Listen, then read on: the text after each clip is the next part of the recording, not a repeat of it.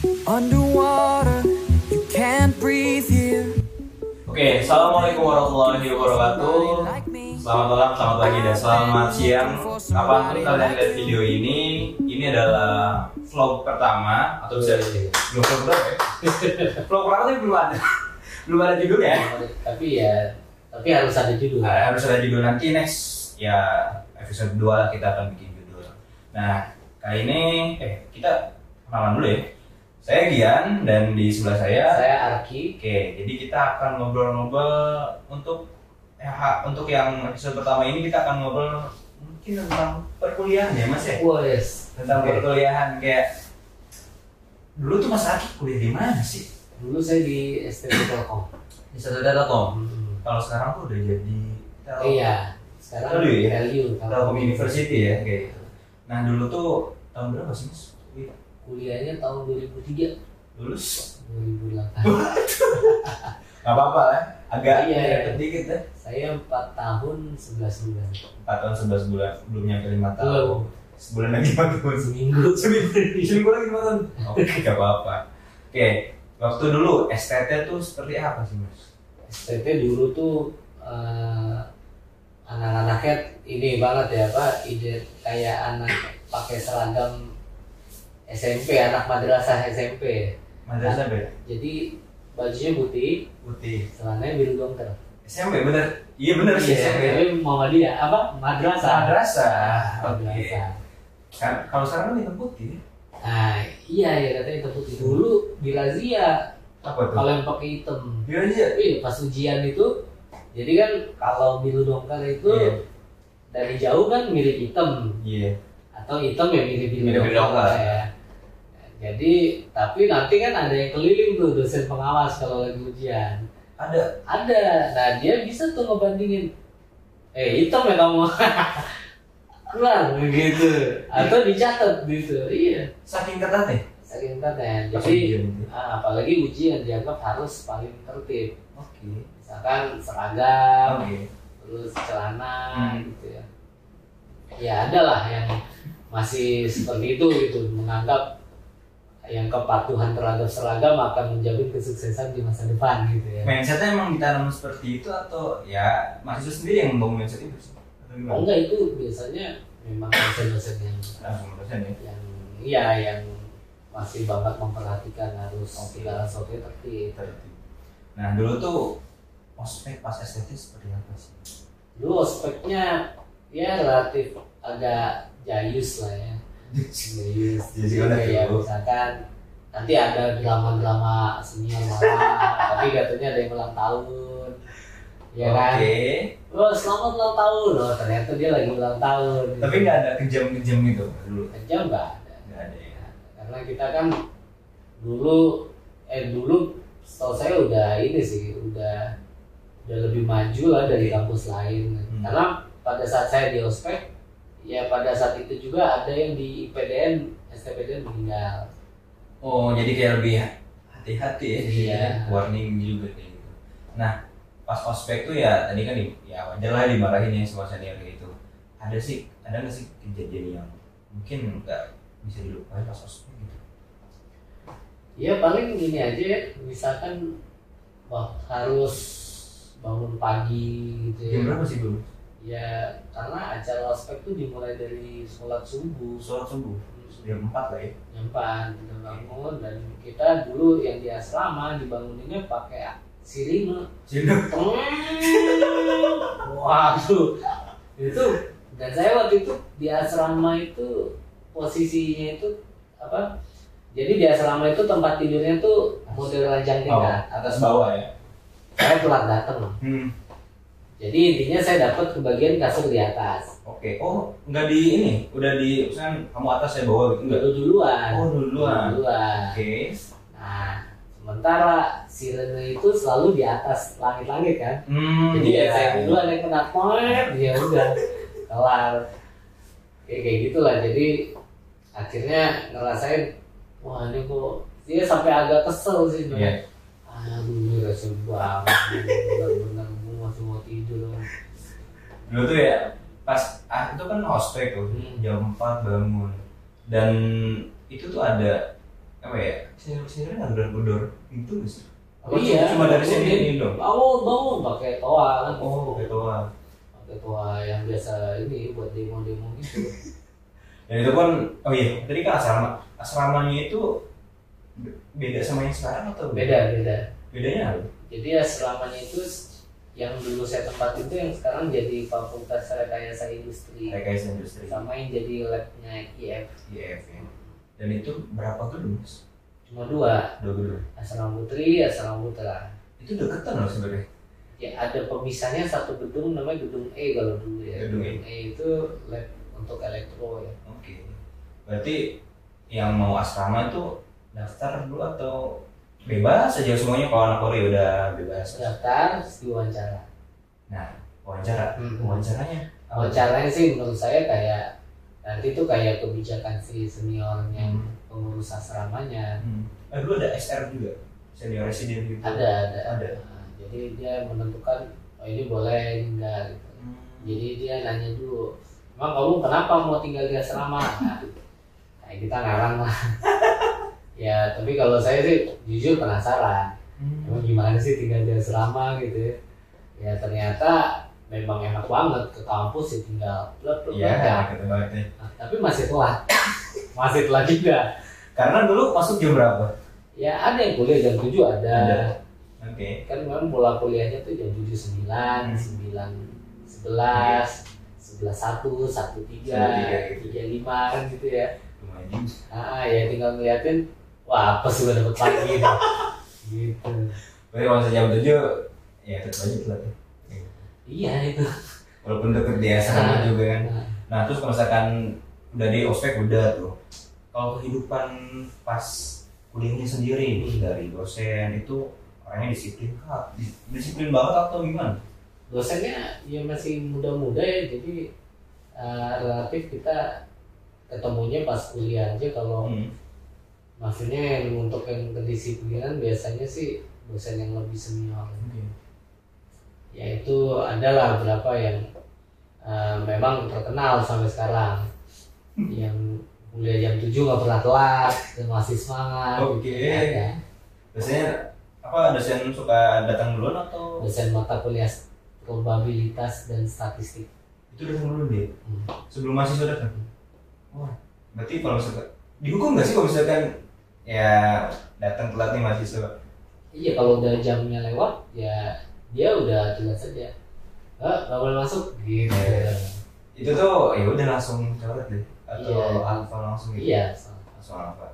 Nah kalau misalkan lu tuh STT tuh ya, sekarang kehidupan kampus ini tadi dosennya, kehidupan kayak ya berorganisasi itu Mas Ari itu ikut apa aja sih pas dulu saya dulu ikut pertama ikut himpunan himpunan himpunan informatika informatika MTI. nah, enggak HMIF Oh HNIF sorry Iya, HNIF ya. iya, karena kode jurusannya IF Iya oke. terus habis itu dua tahun jadi pertama jadi staff Hmm. tahun keduanya jadi kepala divisi Divisi apa? divisi internal kalau dulu staffnya staff eksternal Oke.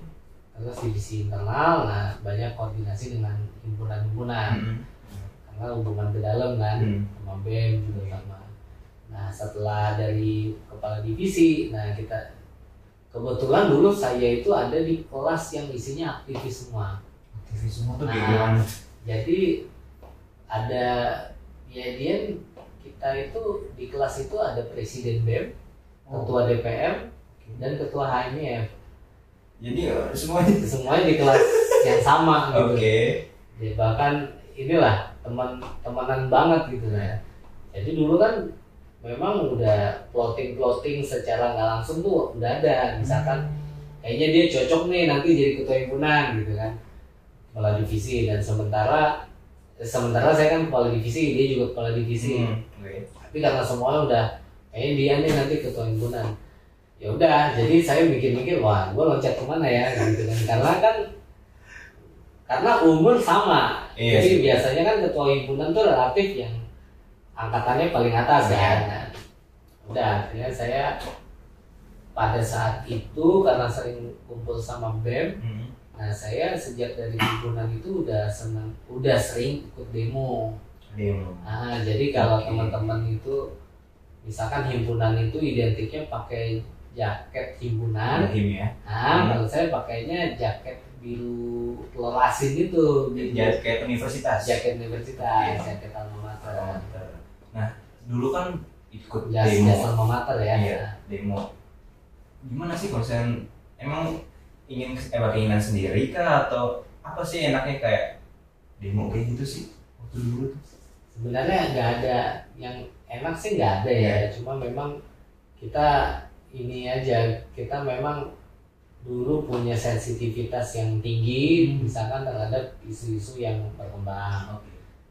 Ah, terutama misalkan kayak kenaikan bahan bakar ah buat yang minyak tanah Ah, ya? iya listrik Iya, kayak iya, gitu kan nah itu kan biasanya nanti pemerintah mau naikin nah Hmm. terus kita biasanya long long march Iya. dari biasanya start awal itu dari BIP Oh BIP. nah terus kita jalan ke gedung sate BIP kriminal. Ah. Lumayan juga. iya Lumayan, lumayan jauh ya. BIP ke gedung sate. Ya, ber- berarti ya itulah dinamika ya, dinamika apa ya? Kampus itu ya. Iya. Kampus. aktivis Aktivis. Setelah himpunan Hmm. ke mana tuh? yaitu ke DPM, DPM. Dewan Perwakilan Mahasiswa Jadi nah, it- nah itu ya dulu itu saya. Pernah jadi ketua.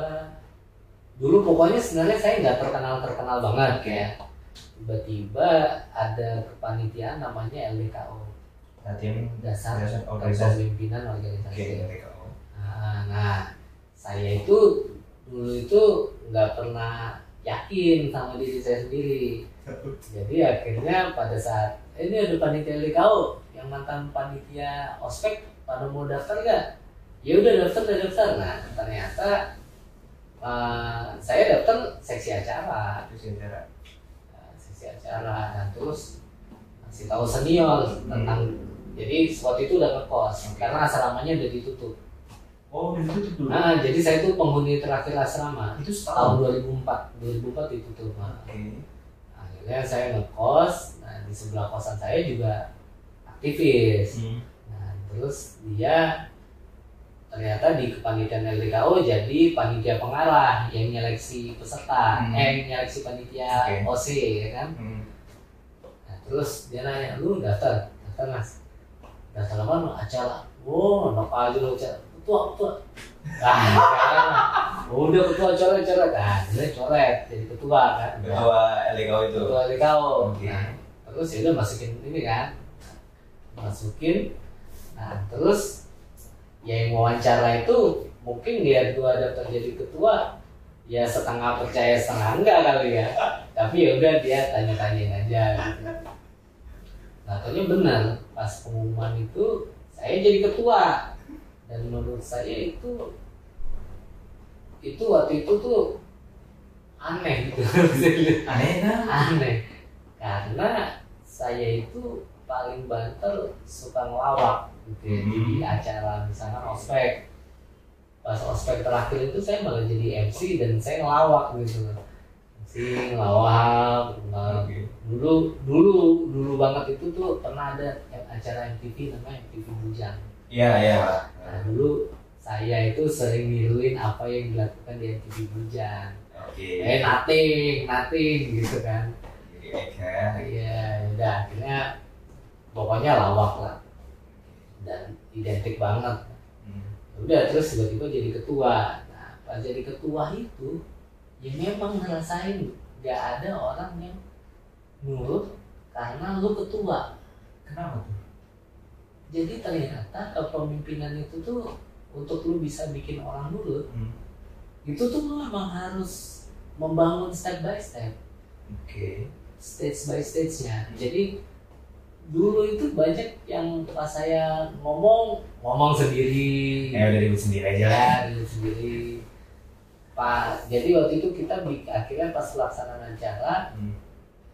dulu masih kayak apa center of attention-nya malah bukan di saya, masih di tempat lain. Oke. Semua masih ingat saya, ah udah pokoknya Ya, kebetulan aja jadi ketua. Iya, gitu iya, ya. iya. paham, paham. akhirnya acara itu ada empat rangkaian Hmm.